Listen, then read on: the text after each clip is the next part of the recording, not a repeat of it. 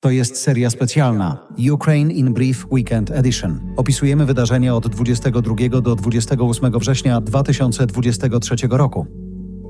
Zmasowany atak rakietowy na Odessę. Rosyjska armia w nocy z niedzieli na poniedziałek poważnie uszkodziła czarnomorski port, atakowała magazyny ze zbożem. Celem rosyjskich ataków był też obwód hersoński.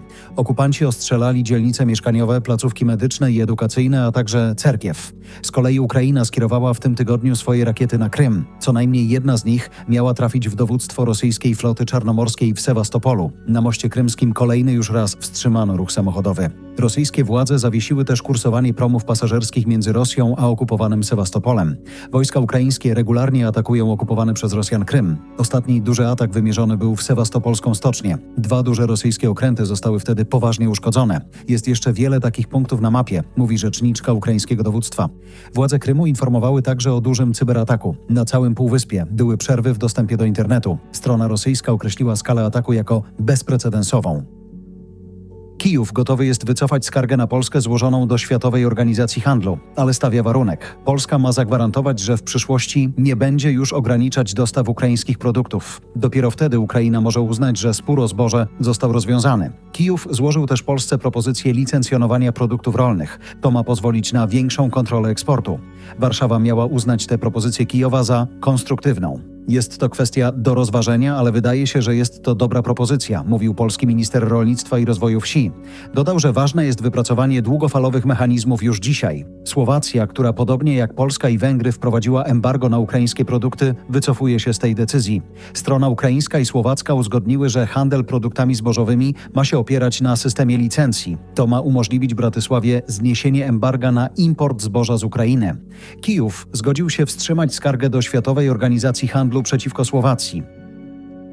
Prezydent Zełęński niespodziewanie zatrzymał się w Polsce. W trakcie swojego powrotu na Ukrainę na lotnisku w Lublinie odznaczył polskich wolontariuszy ukraińskimi odznaczeniami państwowymi.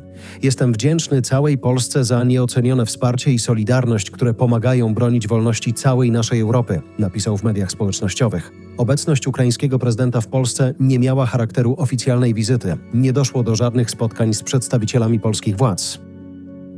Pierwsze Abramsy trafiły na Ukrainę. O dostawie amerykańskich czołgów poinformował prezydent Zełeński. Administracja prezydenta USA zobowiązała się do przekazania łącznie 31 takich maszyn. Czołgi są teraz przygotowywane do wyjazdu na front. Zdaniem szefa ukraińskiego wywiadu wojskowego powinny być wykorzystywane w dobrze przygotowanych przełomowych operacjach. Ukraińscy żołnierze przeszli już niezbędne szkolenia z ich obsługi. Biały Dom stawia jednak warunki udzielania dalszej pomocy wojskowej. Do Kijowa trafiła lista reform, które ukraińskie władze mają wdrożyć w różnych okresach. Większość reform związana jest ze zwalczaniem korupcji. Zmiany mają też dotyczyć funkcjonowania władzy sądowniczej, resortu obrony i organów ścigania. Rosja planuje rekordowe wydatki na armię. Wydatki na wojsko w rosyjskim budżecie na przyszły rok będą najwyższe od czasów Związku Radzieckiego, pisze The Moscow Times. Mają wzrosnąć o blisko 70%. Kreml cały czas stara się nie ujawniać wszystkich kosztów wojny. Do projektu budżetu trzeba więc doliczyć jeszcze tzw. Tak wydatki tajne.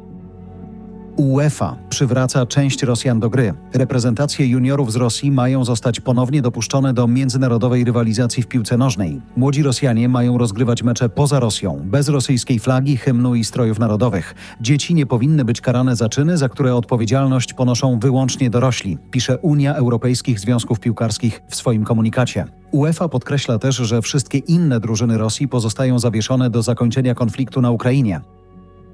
To była seria specjalna Ukraine in Brief Weekend Edition.